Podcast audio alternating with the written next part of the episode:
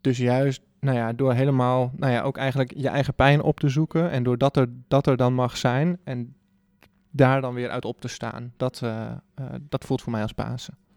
Welkom bij Janneke en Jonathan gaan 40 dagen diep. Het is bijna Pasen en Janneke en Jonathan spreken met Ida van der Lee.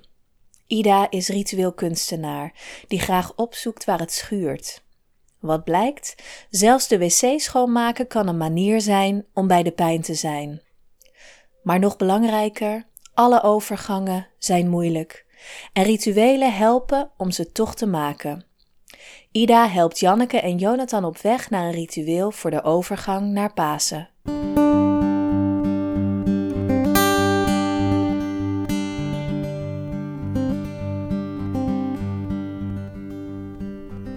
Welkom bij alweer bijna de laatste episode van Janneke en Jonathan gaan 40 dagen diep. Um, ja, voor ons zit het er alweer bijna op en het leek ons mooi om dat niet helemaal ongemerkt voorbij te laten gaan. Um, en daarom hebben we rituele kunstenaar en deskundige Ida van der Lee uitgenodigd. En we gaan met haar praten over uh, het markeren van dingen, het verankeren van dingen. Um, de 40 dagen tijd eindigt natuurlijk normaal ook met een groot paasfeest. Nou, we hebben dit op onze eigen manier gedaan, dus misschien moeten we ook op onze eigen manier afsluiten. We hebben er zin in. Het wordt een mooi gesprek, denk ik. Uh, Ida, heel fijn dat je er bent. Jij bent uh, ritueel kunstenaar. Um, wil je ons iets vertellen over je werk? Over een, uh, misschien over het project uh, van het ritueel van namen en nummers, uh, waar je nu mee bezig bent? Ja, dankjewel dat ik hier mag zijn. Um, ja, namen en nummers, dat is een project dat gaat om het herdenken van weggevoerde Joden uit de Oosterparkbuurt mm -hmm. in Amsterdam, de buurt waar ik gewoond heb. Dus in mijn huis woonde een ouder echtpaar. Oh, echt waar? Ja. Eliazer Bas en Naatje Bas Peperwortel. Inmiddels heb ik ze zo vaak opgenoemd dat het een soort grootouders zijn geworden. Ja. En uh, nou ja, je komt erachter dat er ook in de hele straat 1200 mensen weg zijn gevoerd. En uit de hele buurt 2800. Dus vier straten met wat dwarsstraatjes. En dat is enorm. En ik deed al heel veel rondom verdwijnen en de dood. En ik dacht, ja, hier wil ik ook iets. Ja, hoe doe je dat dan? Um, ik was ooit in Zuid-Afrika geweest, uh, in, in, in, Kaapstad. En er was een district 6. En dat was eigenlijk een ontruimde wijk waar de zwarten weg moesten. En dat een blanke wijk zou moeten worden. Maar er kleefde heel veel bloed aan. Er was heel veel strijd geleverd dat ze eigenlijk niet meer durfden om er te bouwen. Dus het was een soort braakliggend terrein. En aan de randen van lag een kerkje en die hadden een stratenexpositie. En dat was eigenlijk niet meer dan een zeiltje op de grond met een stratentekening of een plattegrond van de buurt. Van wat er ooit was geweest daar. Ja, oh. en mensen begonnen daar spontaan dingen bij te schrijven van hier is mijn kind geboren of we hebben er zoveel jaar gewoond. Oh, wow. En dat raakte me heel erg. Dus die plattegrond, dat was eigenlijk ook heel bruikbaar voor namen en nummers. En er is in de Oosterparkbuurt een prachtig uh, pleintje, het Kastanjeplein. En ik dacht, daar, dat is eigenlijk een hele mooie plek om een stratenplan te maken van planken. En dat mensen een naambordje of een naam kiezen, zich ontfermen over een slachtoffer, daar een naambordje voor maken en die op het juiste adres in de plattegrond leggen, waarmee je ze symbolisch terugbrengt naar huis. Wow. En, en dat uh, durfde ik in het begin nog niet zo te zeggen, want ja, je denkt ze, ze zijn gewoon vermoord, hoezo naar huis? Maar ja, dat symbolische, dat is natuurlijk waar het om gaat. Je erkent ze, je, je sluit ze in je hart. En er is eigenlijk een heel uitgebreid ritueel omheen gebouwd met uh, verschillende stations. En hoe ziet dat eruit, dat ritueel eromheen? Ja, je begint eigenlijk bij het tijdkantoor en dat laat, daar laten we de mensen in de rituele tijd stappen. We hebben een opstelling van een tafeltje met uh, twee klokken, pendules, die zonder uurwerk, dus uitgehold. En we vertellen, ja, van de Joden is de tijd ontnomen. En hier krijg je de tijd om ze te herdenken. Wow. En dan krijgen ze een, uh, door die klok heen een kaartje met een stempel van een klok zonder wijzers. Dan mogen ze door naar het volgende station en dat is een, uh, het archief. En dat is een opstelling van allemaal oude kastjes, archiefkastjes, laadjes. En daar hebben we eigenlijk de lijsten in zitten van de 2800 Joodse slachtoffers die uit onze buurt zijn gevoerd en vermoord. En mensen kunnen daar een naam kiezen. Als je er dan ook eentje kiest en je schrijft die naam over, hè, dan ontferm je eigenlijk over, over die persoon. En dan mogen ze met het naambordje uh, langs het spoor lopen. En dat houdt in dat we op de stoeprand van het plein met krijt hebben een spoorlijn getekend. Dus daar stappen de deelnemers symbolisch op de trein om de terugreis te beginnen. En er liggen ook briefjes langs van uh, wat de Joden uit de, uit de trein hebben gegooid. Hè, met bedanken of stuur wollen sokken of uh, we hopen het beste. Heel wrang. Ja. En dan komen ze uiteindelijk bij de grote plattegrond. Wordt het de, de plek van waar diegene gewoond heeft uh, gezocht. En dan een belletje geluid. En dan kun je zeggen: Ik herdenk je. Of ik breng je terug naar huis. Of we hadden je nooit mogen laten gaan. En dan spreek je ook de naam uit. Zo. En dat is een heel pittig moment Ja. voor, eh, voor mensen. Is het ook, was je ook bang dat het te heftig zou zijn? Of, of zijn er mensen voor wie het te heftig Ja, is? dat, dat eh, is eigenlijk altijd met mijn dingen. Ik, ik sta, ja, durf best wel in de pijn te gaan staan, in de confrontatie ook. Kun jij iets zeggen over waar komt dat vandaan? Waar die, wat is jouw drijfveer Ja. daarin? Dat heb ik ook wel lang over na moeten denken. Van wat heb ik daar toch mee? En ook met eh, dood, verdwijnen. Dat komt altijd een beetje terug in mijn, eh, in mijn werk.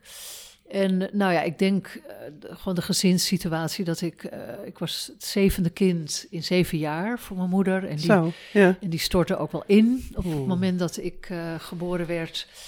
En ja, het gevoel dat, je, dat er geen ruimte voor je is en dat je te veel bent. Dat is eigenlijk ook een vorm van, ja, dat heb ik al als een vorm van dood zijn ervaren.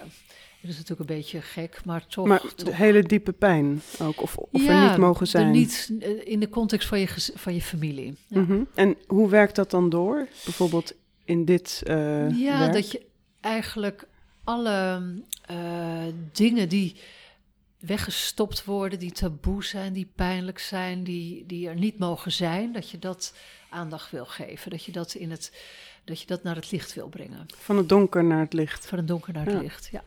En wat zijn reacties die je krijgt van mensen? Of wat, wat, wat, wat voel je dat daar gebeurt op, op dat Kastanjeplein? Nou, naarmate de jaren vorderden, kristalliseerde dat ritueel steeds beter uit. Ja. Op een gegeven moment. Het klinkt als een heel rijk geheel, moet ik zeggen. Ja. Allerlei lagen en, eh, en betekenissen. Ja. En eh, 75 vrijwilligers waren er op het Zo, laatst. ja. Het begon met 10 kunstenaars, maar uiteindelijk eh 75 vrijwilligers om het uit te voeren. Ja. En er gaan ook trainingen aan vooraf. Hè. Wat, wat is er nou belangrijk dat je doet? Nou, wat ik op het laatst eh, bedacht van. Eh, ook in de briefing 's ochtends zei ik dat dan nog van doe alsof de deelnemers slaapwandelen. Hè, ga ze, laat ze in hun gevoel zitten. Dus je geeft ze een setje in de rug. Je kan vragen, gaat het? Maar niet, hoe gaat het? Mhm. Want dan moeten ze ineens gaan praten en nadenken. Mm. Dus je probeert ze heel erg in hun gevoel te laten... en zo min mogelijk naar het hoofd te laten gaan. Ja. En een ander is dat een ritueel niet praktisch is. Dus ik raad mensen af dat ze niet te werkerig moeten doen. Dus Ja. sommige vrijwilligers willen altijd heel erg helpen, de mouwen opstropen. En, en nou ja, dat lukt ze niet altijd om dat af te leren. Hè? Dus Mhm. die vrijwilligers, die moet je iets anders laten doen. Ja, ja, ja. ja. Koffie laten zetten of zo. Ja, ja. En, ehm, maar zodra- toen ik dat eigenlijk aan iedereen uitlegde, merkte ik dat het ritueel eigenlijk eh, ja, veel meer sereniteit op het plein eh, kwam. Ja. En, en bijvoorbeeld bij het archief zette ik ook iets meer de wat pragmatischere types neer. En eh, het was allemaal die kastjes, het wiebelde een beetje. En toen lieten ze die mapjes bovenop die laadjes liggen. En dan hoefde je niet de hele tijd het laadje open en dicht te doen. Ja. En ik zei, nee, dat, dat zint me niet. Dat, dat moet wel uit het laadje, Ja, iedere keer ja. weer. ja, ja, ja. En toen dacht ik, oh, maar dat is ook een rituele handeling. Uit het donker naar het licht. En dat vinden de vrijwilligers dan ook heel fijn om dat te beseffen. ja, ja. Want ineens kunnen ze dat ook op die manier, die handeling uit gaan voeren. Hè? Ja. En, en de- de- het ook aan de deelnemers vertellen. Jij hebt nu iemand uit het donker naar het licht Ja. gebracht. Ja. En zo ja, groeit dat. Hè? Ik ben me ook niet altijd precies bewust van wat je nou eigenlijk precies doet. Hè? Nee. Dat, dat, dat komt eh, gaandeweg, eh, krijg je dat steeds beter eh, in beeld.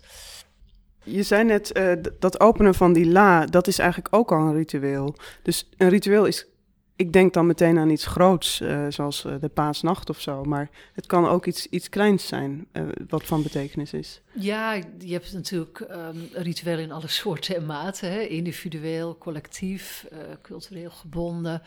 Met een super zware traditie of wat luchtiger. Maar um, ja, kleine rituelen zijn er ook. Dus het is elke. En er is ook een opbouw. Hè? Een, een liturgie hè, is natuurlijk ook eerst het welkom, dan de inleiding, dan. Hè, dus je, je stapt eerst in de rituele ruimte hè, in een kerk. Dat voel je, dus dat hoef je niet meer uit te leggen. En dat is eigenlijk ook het, het, mooie van, uh, want ik ben kunstenaar, dus voor mij zijn de beelden en de vormgeving is heel erg belangrijk. En ik hoop telkens, of daar werk ik naartoe, dat die beelden eigenlijk de juiste informatie geven. Dus dat vanuit de vorm bijna de inhoud helder is. dat het bijna logisch is dat je nog heel kleine aanwijzingen hoeft te geven, maar dat je het niet... Weinig woorden ja, zijn weinig nodig. woorden. Geen A4'tjes met teksten uitleggen. Ja. Uh, Wat je ook zei, van je moet meer in je gevoel dan in je hoofd zitten. Ja. Dus die dingen moeten ook voelbaar zijn en moeten een soort van impliciet al aanwezig zijn. Ja, ja. Ja. En ja, er is altijd sprake van een beweging, een verschuivend perspectief. In, in, uh, eigenlijk is een ritueel een aandachtsmachine. En je geeft middels symbo symbolen uh, betekenis aan iets. Dus je doet alsof, maar het is eigenlijk de werkelijkheid in het miniatuur nabootsen. Kun, kun, je, daar, kun je dat nog iets uh, uitpakken? Je hebt het over een symbool. Wat is, wat is een symbool? Ja, je kan een, een uh, boom gewoon letterlijk als een boom zien. Maar je kan het ook als metafoor zien voor een anker. Of een, een, een, een, een stabiel gegeven, een houvast. Iets met wortels. Iets met en... wortels en iets met de lucht. Hè, verbinding tussen aarde en hemel. Ja. Hè, dan, dan wordt het een symbool. En een zon kan uh, ja, de, een verbrander zijn, of een verwarmer, of een ontdooier. Ja. En dan, dan geef je er eigenlijk betekenis aan. En Ja. dat, dat, soms ben je daar heel erg, eh, is dat alledaagse kost. Maar bijvoorbeeld op een uitvaart, eh, dan gaat iedereen naar een andere dimensie eigenlijk. Hè? Dus je gaat alles, je, je hebt behoefte aan symbolen. Ja? Dus het weer is dan ineens troost of een koude douche of, ehm, of huil, de hemel huilt ook. Ja. En dan regent het niet, maar eh, er huilt iets. En je weet altijd, hè, oh je ziet een schaap en dat betekent dat iets. En je ziet een vlinder en dat betekent dat iets. Gewoon omdat dat een behoefte is. Ja. En ehm, dus die, die, die betekenisdimensie, die, die, die, die herken je, die zoek je op eigenlijk. Omdat, omdat je dat nodig hebt. Dus in een ritueel zet je dat als het ware aan, die extra Ja. betekenislaag. Ja. Of daar ga je naar op zoek. Ja, hè, dus als je niks hebt, ga je ernaar op zoek. Dan zie je het gewoon om je heen.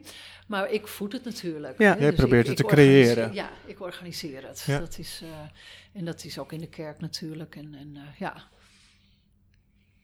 Je hebt natuurlijk ook gewoon hele alledaagse rituelen. eh, van tandenpoetsen tot eh, ochtendkoffies. Eh, hoe, hoe verhouden die rituelen zich tot elkaar? Van, is het, zeg jij van, nou ja, dat is eigenlijk geen ritueel, want? Of is dat gewoon een ander soort ritueel? Wat maakt nou eigenlijk een... een, een... Nou, rituelen zijn heel vaak om overgangen te markeren of vorm te geven. Dus je ochtendritueel is eigenlijk de overgang van de nacht naar de dag. Ja. En alle, alle overgangen zijn moeilijk, alle veranderingen zijn moeilijk. Hm. Dat, is, dat, dat kost energie. Ja, En als je dat vorm geeft, dan heb je daar houvast aan. Dan geeft dat structuur. Dus dan heeft het die betekenis eigenlijk. Ja. Dat je die stap kan maken.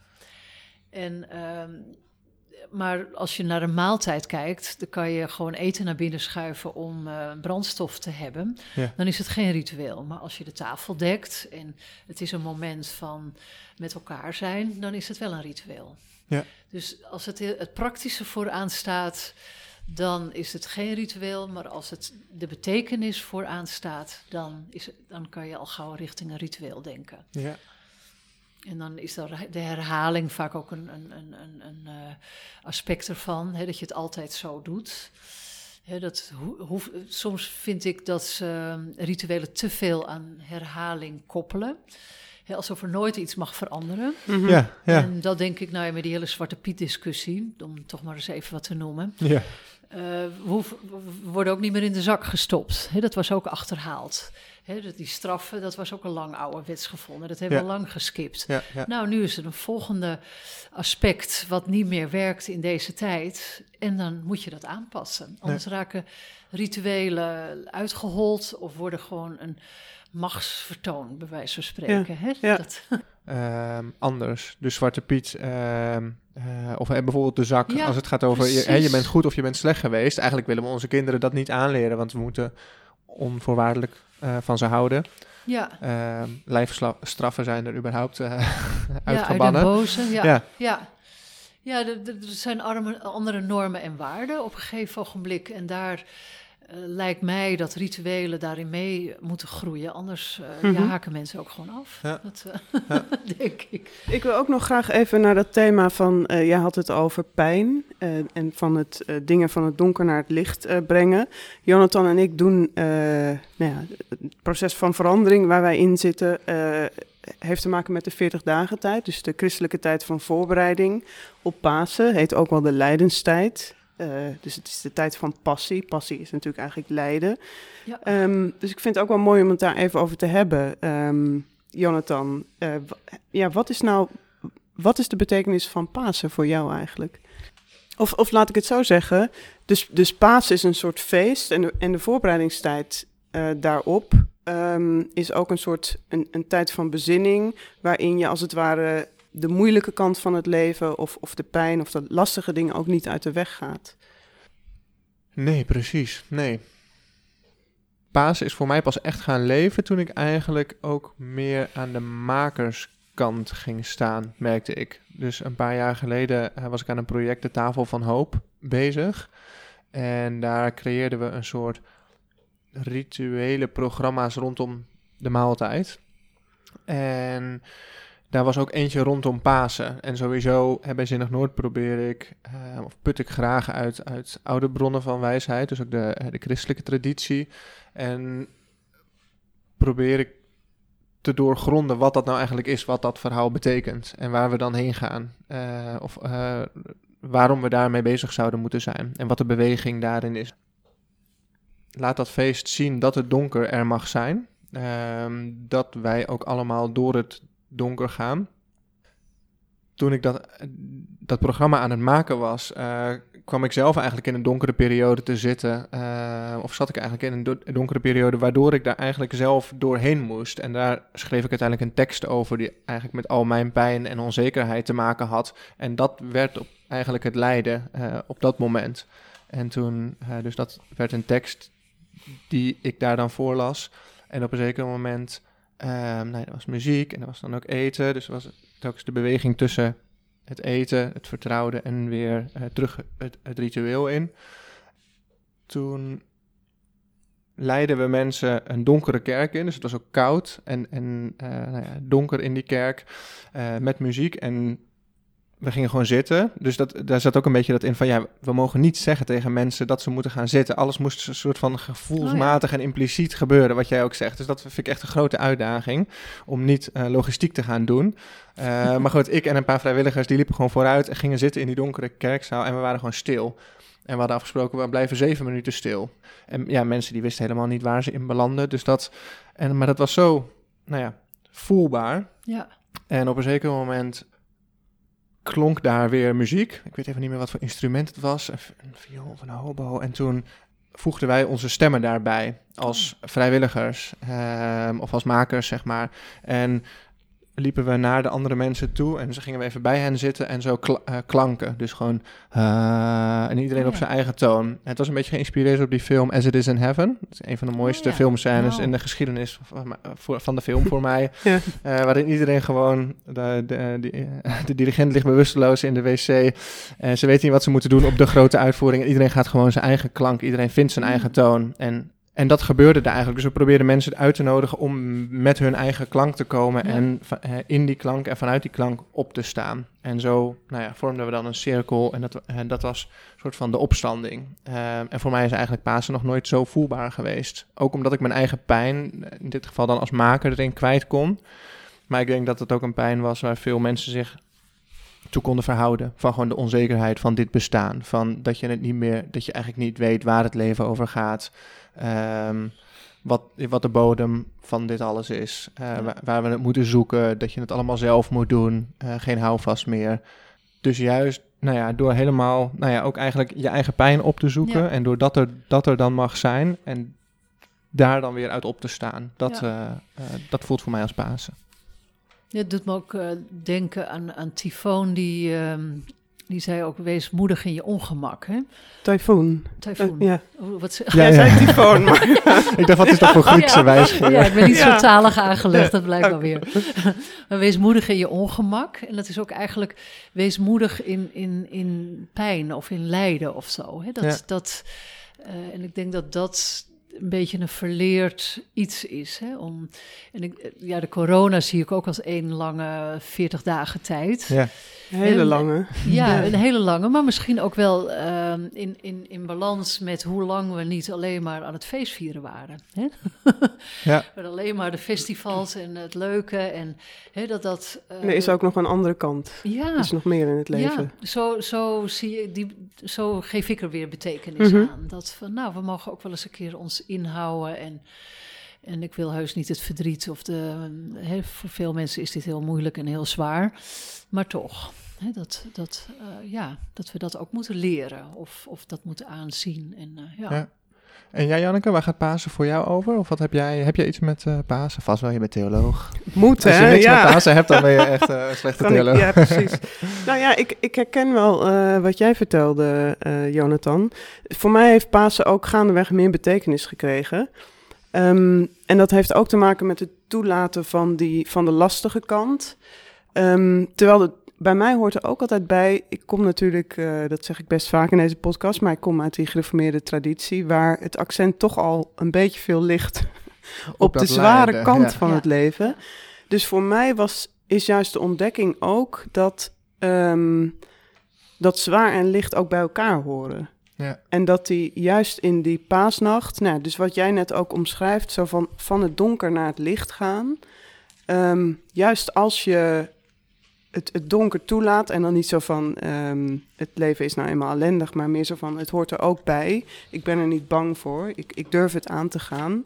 Dan ontstaat er ook weer een soort ruimte voor lichtheid. Ja. En dat is denk ik de, ja, wat mij denk ik ook ontroert in deze podcast. Dus dat het hele, dit proces van groei wat we zijn aangegaan, dat ik eerst dacht, oh dat wordt nu vervelend, want dan moet ik eh, naar mijn chaos kijken en dat is alleen maar irritant. Groeipijn. Ja, ja, maar dat daar dus ook de hele tijd die lichtheid doorheen komt van... ehm, maar het is ook fijn om te groeien of het is fijn om iets aan te gaan. Het is fijn als het leven echt is. Voor mij gaat Pasen en die 40 dagen tijd over de echtheid van het leven. Ja. En dat, ehm, ja, dat is ook... Ja, dus, dus sinds ik die 40 dagen tijd bewuster eh, meemaak, wordt het leven ook een soort... Ja, wordt het echter. Word ik... ehm, raak ik misschien ook meer gegrond. Dus daarom, eh, Ida, wat jij vertelt over rituelen, gaat voor mij ook altijd over, nou ja, dat, je- dat je niet aan de dingen voorbij leeft of zo, maar ehm, Aandacht geeft. ja, En ja, Ja. Een ander belangrijk aspect van een ritueel is ook een verstoord evenwicht herstellen. Hè? Dat, eh, dat, je, dat je weer iets, nou ja, dat is ook tegenover, als het te veel donkerte is, moet er ook weer Ja. licht komen. Ja. Dat, eh, Ja. ja, ja. Ja, precies. Dus ook eh, de, de- misschien wel, en de, die horen bij de oudste rituelen, midzomer en midwinter. eh, de keer weer naar het licht en Ja. de keer weer naar het donker. Ja. ja. Ja, ik moest toevallig, ehm, eh, ik, dus ik heb mezelf heel lang geassocieerd meer met, de met de zware kant van het leven. En dus voor mij is Pasen ook echt de viering van het licht. En dat ik nu ook beter zie dat ik best, dat ik die lichtheid ook in mezelf heb. En dat ik dat toelaat en dat ik dat juist ook beter kan door ehm, ook het donker niet uit de weg te gaan.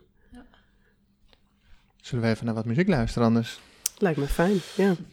Harold, eh, je zit er ook weer bij. Eh, je gaat aan het eind van eh, eh, de episode weer een eh, liedje voor ons spelen. Mhm. Welk liedje wordt dat? Happeneerd wordt dat. Happeneerd. Ja. Ja, die ken ik. eh, Maar de rest waarschijnlijk nog niet. Wat uh, vertel eens. Het, is een, het is een liedje over... ehm, oh, nee, het gaat over... Ja, de, de, de- Happeneerd is een bedevaartsoord in eh, eh, Belgisch Limburg. Ja. Dus eh, een plek waar mensen eh, geliefde gedenken. Ja. Daar een kaars gaan opsteken. Daar, daar is het bij ons in de omgeving bekend van. Ik woon daar overigens zelf niet. Ik woon eh, midden, midden Nederland. Maar nou ja, toen ik... ik wilde een bedevaartsliedje schrijven. Ja. Voor een keer drie voor twaalf op bedevaart. En toen moest ik meteen aan die plek denken. Ja. Dus, ja. Alright, dat komt straks. Ja. Ehm, maar kun jij ons eerst nog verlichten met wat klanken van jou?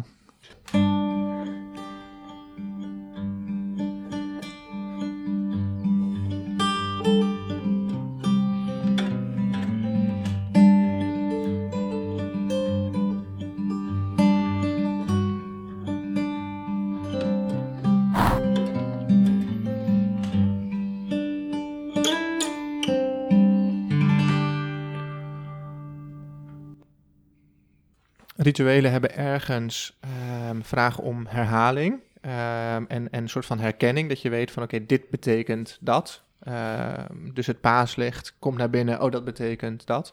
Ja. Kun je ook, is het niet lastig om rituelen te maken als we niet dezelfde taal daarin hebben? Dezelfde soort van geestelijke taal of symbolische taal? Eh, Wat is jouw ervaring daarin? Ja, dan moet je iets meer uitleggen. Ja. Dat, dat kan ook. Dat is eh, minder wenselijk, maar het kan wel. En dat je dan toch even een beetje via dat hoofd moet gaan om Ja. weer naar het. Dus dat is dan een soort tussenoplossing misschien.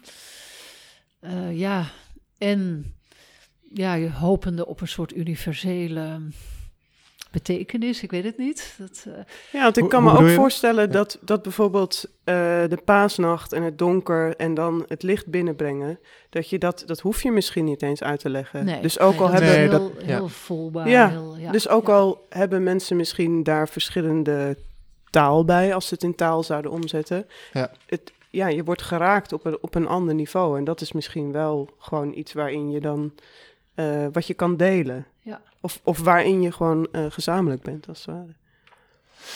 Ehm, wij eh, hebben het over iets wat, eh, wat je eigenlijk moet voelen. Ja, je hebt al een paar keer gezegd, niet te veel denken, eh, maar voelen. Niet te veel woorden, maar, maar handelen. Dus misschien is het ook leuk Ja. om zo wel even te kijken van... We zijn met die 40 dagen tijd bezig. We doen dat op een eigenzinnige wijze. Dus misschien moeten we ook een soort een eigen ritueel daarvoor... dat, dat zou ik zelf heel Ja. leuk vinden. Misschien kunnen we nog even voor luisteraars die dat niet helemaal scherp hebben of die voor het eerst luisteren. Jonathan, wat was, waar ben jij ook alweer mee aan de slag? Deze 40 ja, dagen dus, tijd? Dus, dus mijn 40 dagen anders eh, is eh 40 dagen zorgzamer. Eh, en dat is ook, nou ja, voor de luisteraars die al wel vanaf het begin erbij zijn, die hebben gemerkt dat dat eigenlijk ehm, ook een, een slingerweg is geweest. Dus het begon eigenlijk heel praktisch van, oh ja, ik moet zo vaak de wc schoonmaken, zo vaak dit en dat. Ehm, ja. en eigenlijk is dat meer gegroeid naar een soort houding van, van voelen wat er is en van daaruit ook responsief kunnen zijn. Ehm nou ja, zelfzorg, heel concreet had het ook met elke dag mediteren te maken om gewoon een check-in moment met mezelf te hebben. Ehm, Dus het ritualiseren ook hè, van dat zorgen. Hè, dat de wc schoonmaken niet zo'n rotklus is, maar dat, het, dat je dat gewoon opneemt in het ritueel van schoonmaken. Hè. Dat is, schoonmaken is ook een heel belangrijk ritueel werkwoord eigenlijk. ja, ja, ja, ja, ja. ja. En, en ook van nederigheid durven ondergaan. Hè. Wc schoonmaken is natuurlijk eh, geen populair klusje. Nee. Maar ja, dat is ook weer een beetje bemoedig zijn in het lijden of zo. Hè? Precies. Dat, eh, gewoon bij de pijn zijn. met mijn doekje daar. En de Leuk viezigheid. dat zo'n voorbeeld te hangen, maar dat is Ja. wel zo. Ja, ja. Van, ja, viezigheid durven aanraken. Ja. Ja. precies, ja. En jij, Janneke, waar was jij mee bezig? Ja, mijn thema is eh, chaos en orde. Dus mijn, mijn voornemen was om eh, minder chaotisch te zijn en meer geordend. En ik ben erachter gekomen dat dat ook te maken heeft met ehm, verlangen naar, naar vrijheid. Ehm, en ehm, nou, misschien ook wel wat me, wat me heel erg aanspreekt aan, in wat jij vertelt, Ida, is dat rituelen brengen natuurlijk ook een soort ordening en betekenis. En, en ik merk dat als ik ehm, als mijn dag chaotisch is, dan loopt alles in elkaar over. En dan is er als het ware geen onderscheid tussen, tussen vrij zijn en werken. Of tussen, Oh ja. weet je, het wordt een soort grijze brei. Ja. Ehm, dus het gaat ook over, ehm, nou ja, misschien meer, ja, in die zin orde aanbrengen van er is een tijd om te rusten, er is een tijd om eh, te vieren, er is een tijd om te werken. Ja, er zijn er in kloosters ook heel erg goed in. Hè? De dagindeling heel strak. Van nu eten we, nu bidden we, nu werken we, nu hebben we vrij. Ja. Dat, is, dat is wel, ehm, dan hoef je er allemaal niet meer over na te denken. Eh, ik herinner me ook dat jij zei, hè, de- dus een, een, een paar keer dat jij ehm, eh, succesvol je rooster maakte, zeg maar. Dat je zei van ja, maar dat werkte misschien ook wel zo goed. Of tenminste, het was ook fijn omdat ik, ehm, nou ja, wat yoga oefeningen erbij deed, een terzee-liedje zong. Dus daar, ik dacht ook nog wel, dat zit nog wel in mijn hoofd. Van, ja, Ja. d- Daar moet jij misschien wel iets mee als het gaat om die structuur. Dat, omdat het ook dan iets moois wordt en iets betekenisvols. Niet alleen maar iets praktisch van een schemaatje uitdraaien. Ja. Maar dat het daarmee ja, dieper in je leven kan, kan zinken. Ja, en inderdaad ook dus dat, eh, dus ik heb zo'n agenda die je zelf kan invullen. Dus dat zijn gewoon lege bladzijden, dan moet je zelf het weeknummer en de data en zo opschrijven. Dus daar, dat is ook al een soort ritueel, ehm, om dat dan te doen met kleurtjes en zo. Dus ik merk ook wel dat dat, dat verandert als het ware mijn perspectief op het hele gebeuren. Dus dan is het niet meer ik moet eh, nu geordend zijn, maar meer, oh ja, ik ga gewoon kijken, hoe wil ik deze week invullen? Wat vind ik eigenlijk belangrijk? Het is het vormgeven ook, hè? Ja. Ik zie daar heel erg aan.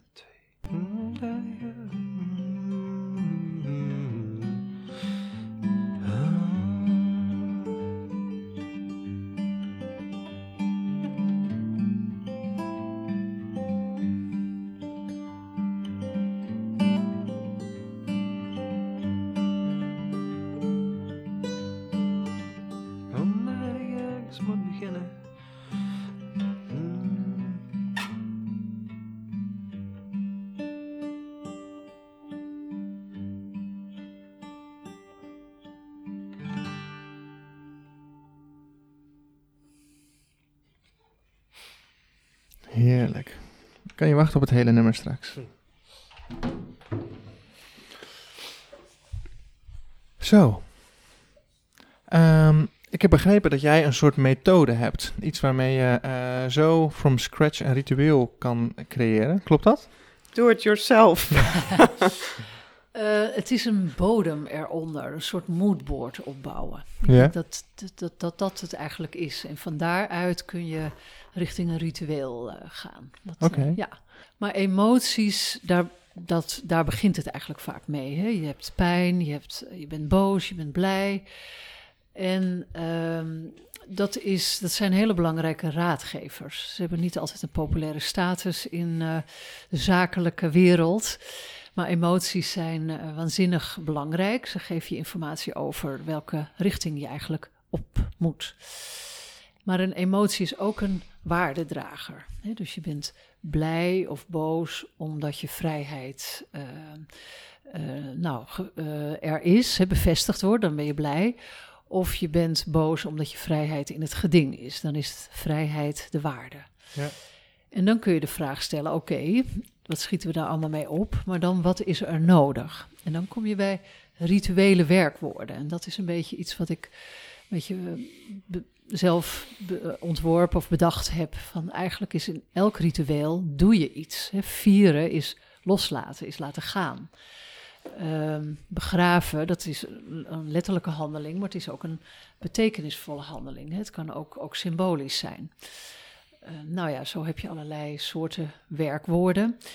Eh, toedekken, huilen of ehm, bidden, bezingen, eren, verlichten. Ja, op, hè. Het, ja. zijn, het zijn natuurlijk ook gewone werkwoorden. Het zijn de krachtige werkwoorden. Je voelt ze al. Als je ze, Ja. als je ze uitspreekt, zeg maar, dan voel je, voel je al iets van de lading. Oké, zijn jullie er eh, klaar voor? Heb Ja. je pen en papier? Yes, hebben we. Ehm, het idee is dat je je focust op een issue dat op dit moment speelt, waar je emoties eh, over hebt. En dat je naar de sheet kijkt. Hè, jullie hebben op de computer nu een, een sheet met allemaal emotiewoorden. En dan noem ik dat altijd een beetje luchtig. Ga maar lekker even emoties shoppen. Je herkent ze vanzelf. Dus schrijf ze op, kras ze door, maakt allemaal niet uit. Je hebt de algemene emoties van blij, boos, verdrietig. Maar er vallen weer specifiekere dingen onder. Hoeveel moeten we er kiezen? Mogen we er kiezen? Nou, een stuk of vijf, want er zit vaak ook nog weer een ordening in of een hiërarchie. Niet te diep denken, dat is altijd de valkuil. Je herkent ze. Ja, ik heb er eh, precies vijf, ja. Nou, heel mooi. Eh, dan eh, mag je de volgende sheet eh, voor je nemen. En daar staan allemaal waardes op. En welke, probeer te kijken welke waarde er ondermijnd wordt of in het geding is, beschadigd lijkt te worden, of juist bevestigd wordt. Hè, dat kan ook. Dus er kunnen hele tegengestelde waardes uitrollen. Ik vind het meteen een hele fijne oefening. Het geeft heel, veel, heel makkelijk helderheid. hè? Ja. ja. Het is wel echt, we hebben het nu natuurlijk over de kracht van rituelen, maar ik kom nu ook weer achter de kracht van woorden. Ja. Dat het, dat het meteen ook zoveel opent. Ja. Nou ja, het leven bestaat natuurlijk sowieso uit het heen en weer gaan van ehm, handelen naar, naar woorden, hè? Van, van beeld naar taal, van taal naar beeld. Ja, dat, dat is onvermijdelijk en dat is ook het mooie. Ik ben aan het laatste rijtje bezig en staat daar nog iets tussen in dankbaarheid, liefde, nieuwsgierigheid, groei en moed. Oké, Nou, dan ehm, komen we bij de volgende sheet en dat zijn de rituele werkwoorden. En eh, het is misschien ook wel aardig om er een paar voor te lezen, wat je zo al eh, ziet staan. Inwijden, troosten, begraven, afsluiten, preken. preken. Ah, dat spreekt jou wel aan. Persoonlijke favoriet. Nee. en, en wat gaan we hiermee doen? Nou, ehm, hier eh, gaat de vraag aan vooraf van wat is er nodig? Dus je hebt al een beetje een moodboard opgebouwd door... Je zit nu in die, dicht bij die emoties en die waardes. En van daaruit ga je proberen te voelen van wat er nodig is of wenselijk, wenselijk is. Welke beweging je, je het beste kan maken. Ja, nu, nu, schrijf ik, nu blijf ik gewoon schrijven. Er zijn te veel eh, Ja. mooie Misschien en... moeten we het eh, gewoon ook, maar het is ook even een, een, een oefening. Ja. Dus eh, er is gewoon wat materiaal waar je het over kan hebben. Misschien, Janneke, zou jij ehm, er iets over kunnen zeggen wat je, wat je hebt opgeschreven? Ja, dus ik heb ehm, emoties opgeschreven. Dus van een situatie als ik me overspoeld voel door werk of, of door chaos. En ik niet meer, het niet meer kan overzien. Eh, dus ik heb opgeschreven dat ik me dan ehm, nerveus voel, machteloos, verward, angstig, bezorgd. En waar dus die dan ja, eigenlijk bedreigd zijn. Dat, dat was een lijstje waar ik heel vrolijk van werd. Dus toen dacht ik ook weer, ja, zie je, Ja, daar gaat het me om, om ruimte te maken voor die dingen. Ik merkte ook dat ik daar meteen vrolijk van werd. Dus dat ik weer zag van, oh ja, dit is, dit is waarom ik dit doe. Dus dat waren verbinding, levenslust, speelsheid, bevrijding, vrijheid, optimisme, betrokkenheid, openheid, liefde. ja. Ja. Mooi. ja, Rijk Mooi. palet ook. ja. Ehm, En dus welke rituele werkwoorden kwam je daardoor kwam je bij uit? ja, dat vond ik misschien nog wel het, het lastigst. Of hoewel, de- er waren wel woorden die meteen eh, pasten. Ehm, vieren ook. Ja, Ehm, ook. Ook door wat jij zei eerder. Dus dat vieren te maken heeft ehm, met loslaten. het laten gaan. Ja, met laten ja. gaan. Dat Ja. had ik me eigenlijk nog nooit bedacht. Terwijl, Het is echt uit de zeilerij. Hè? Heb je wel eens gezeild? ja, Dan laat je het zeil vieren en dat Ja. de wind mee. ja. Ja, nou, dus dat is precies de behoefte. Of de, de beweging waar ik dan behoefte aan heb. Ja, Ja. Eh, opruimen, spelen, afsluiten en dopen had ik ook. oh, Ja. Misschien ook een mooie eh, verbinding met. eh, dus er wordt vaak ook gedoopt in de paasnacht. oh ja. En, en dopen is ook iets van een soort. Nou ja, door het water gaan en een nieuwe identiteit aannemen. Of Oh, ook een ja. nieuw begin eh, markeren. oh ja, Dus dat heeft ook weer te maken met dat vieren, laten gaan. iets, iets achter me laten. oké, ja. Ja, dat is, dat is, dat is interessant. Hè? Dat, dat betekent afsluiten en opnieuw beginnen. Hè? Dat je dat telkens markeert. En ehm, het is ook, ook reinigen, toch? Dopen met dat water. Het Ja, is, het, is ja. het vuil of de, de negativiteit eraf halen of zo.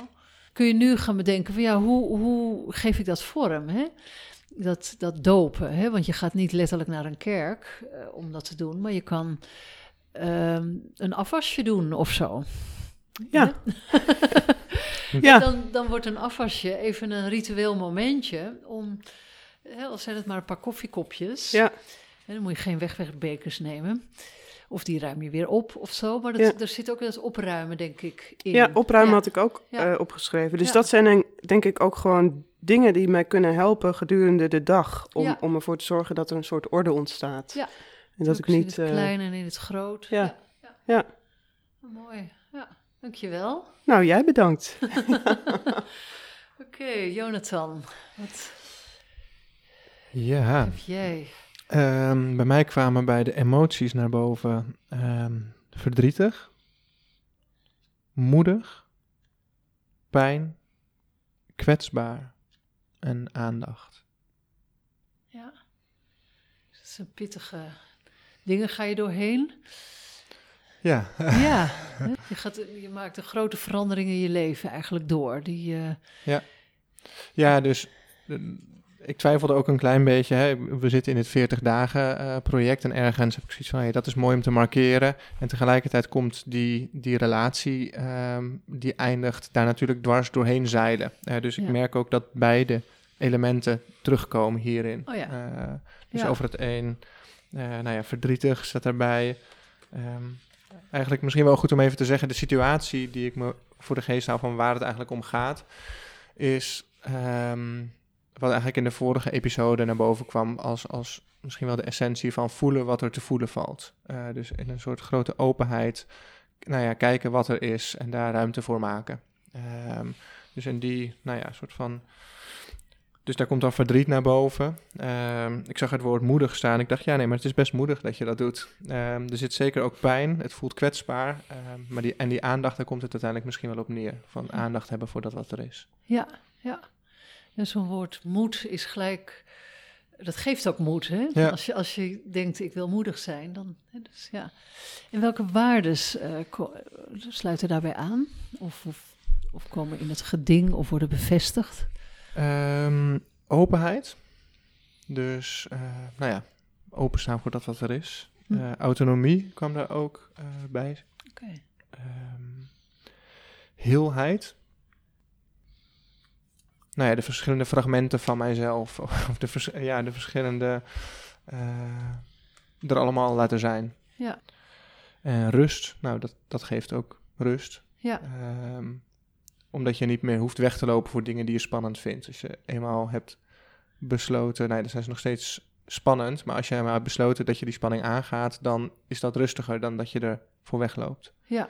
Eh, en dat is dan best weer moedig. En zo kwam ik ook bij moed als laatste. Ja, ja, ja, ja. Ja, zo zit er al een beetje een, een, een eh, procedure ook in, hè, van een ordening in die, in die waardes. Van eh, het begint hier en het moet naar daar, of, of zoiets. Ehm, dus bij dit 40 dagen proces kwam ontdekken, ehm, markeren. Eh, dus dat, daar voelt het ook wel de behoefte om dit soort van, ja, maar we hebben dit gedaan en dat is goed en het heeft ergens toe geleid. Eh, dat ook vieren. Het ook beschermen in die zin. Want het wordt ook weer makkelijk. De gewone realiteit zeilt er ook weer zo doorheen. Eh, gewoon werkdingen, Oh afleidingen Ja. zoeken, weet ik veel wat allemaal.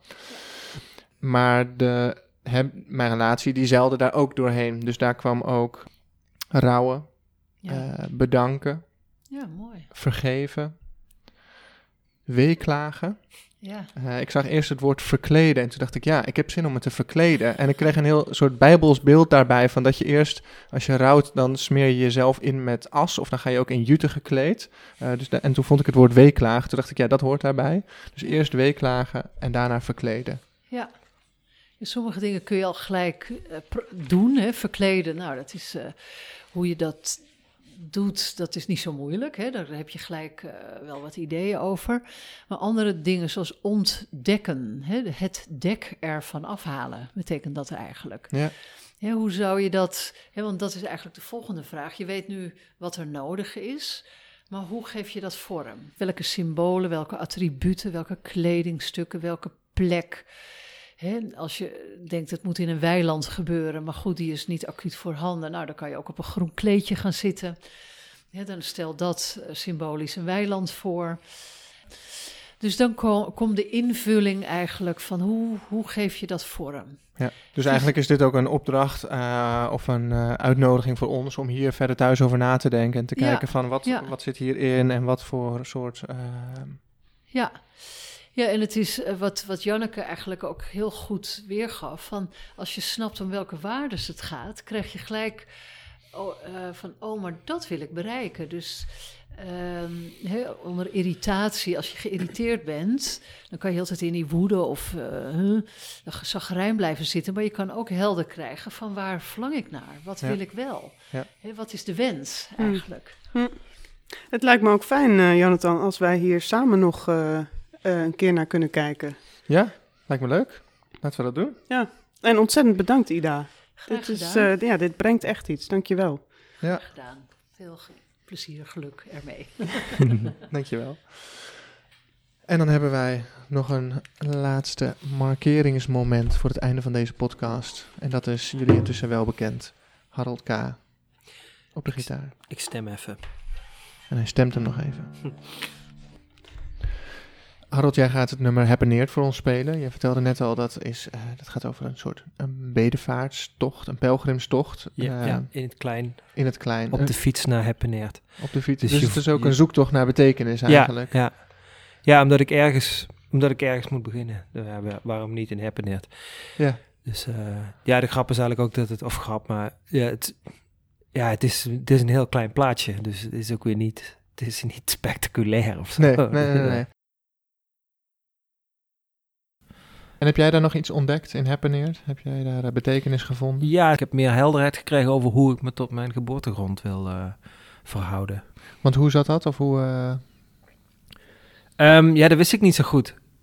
Ik dacht dat ik, daar, dat ik dat achter me moest laten. Want ja, je, je neemt een nieuwe stap, je gaat naar de Randstad en dan, dan is dat geweest. dan ben je geen Limburgse jongen meer, dan word je een... Precies, dan word je een stedeling. stedeling. Maar ja, kennelijk, kennelijk ja, dit, ja, een identiteit is toch iets, ehm, is heel, kan heel hybride zijn. Dus ik, ja, ik, ik ben ook echt een stedeling geworden, maar ik, dat, dat is er ook. Die laag, die geboortegrond, Ja. die zit er nog steeds. Ja, Mooi. ja daar ben ik dankbaar voor. Dus Ja. dat, eh, Mooi dat we zoiets van, jou, eh, ja, van jouw wortels mee mogen krijgen. ja, dankjewel.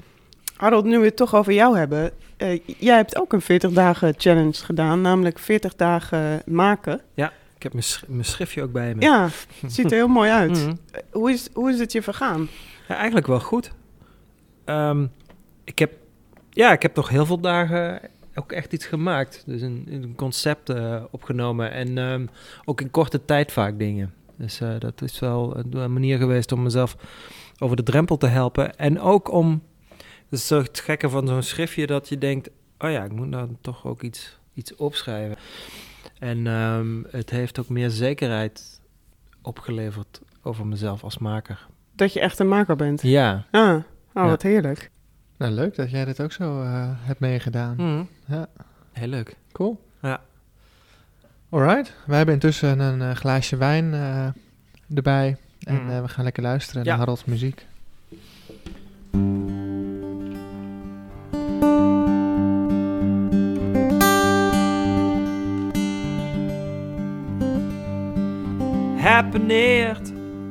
Het is net over de grens in. Het is over die brug in Geese. Langs het kanaal. Op de fiets Happeneert. Het regent, maar dat is me. Tegen de wind. Mhm. Zo kom ik eraan. Happeneert, het is een kerk en een café en een kabaal. Het ligt daar aan de Maas langs een weg, zonneweg, zonneweg, dicht nog van vroeger ken. Dan geesten de struim op en den druim op en nog een keer den diek op en ik weet dat ik er nog wel bijna ben omdat ik ergens moet beginnen. Daarom wil ik nog hebben. Geloof niet dat ik geloof, maar wo is God nu den duivel? Duvel duivel. Omdat ik ergens moet beginnen, daarom wil ik nog happening.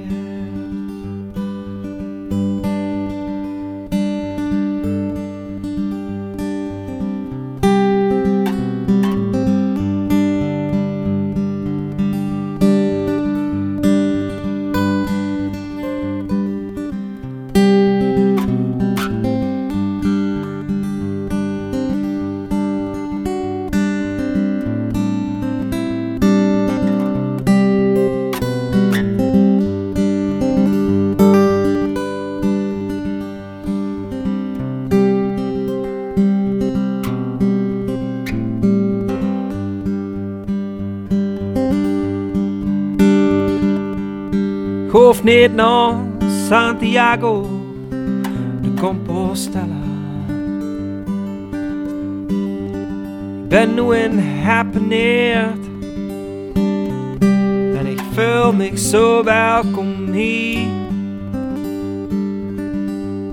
En zie bid voor de voetbalclub, hij bid voor de man die is in, in chemotherapie omdat ik ergens moet beginnen. Daarom wil ik nou happening. Omdat ik ergens moet beginnen. Daarom wil ik nou happening. Omdat ik ergens moet beginnen. Daarom wil ik nou happening.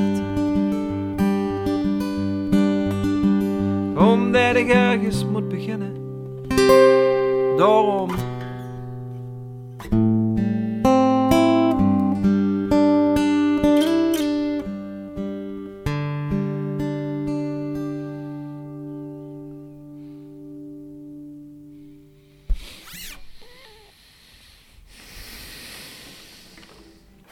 Dank dat je luisterde naar deze episode van Janneke en Jonathan.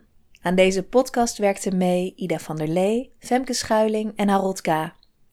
De podcast wordt ondersteund door de vrijzinnige fondsen Kerk en Wereld en Stichting HLA. En binnenkort hopelijk ook door jou. Daar hoor je later meer over. In de volgende episode spreken Janneke en Jonathan Anita voor de laatste keer en maken de balans op. Zijn ze nu eigenlijk veranderd de afgelopen 40 dagen? Luister je weer mee? Tot dan!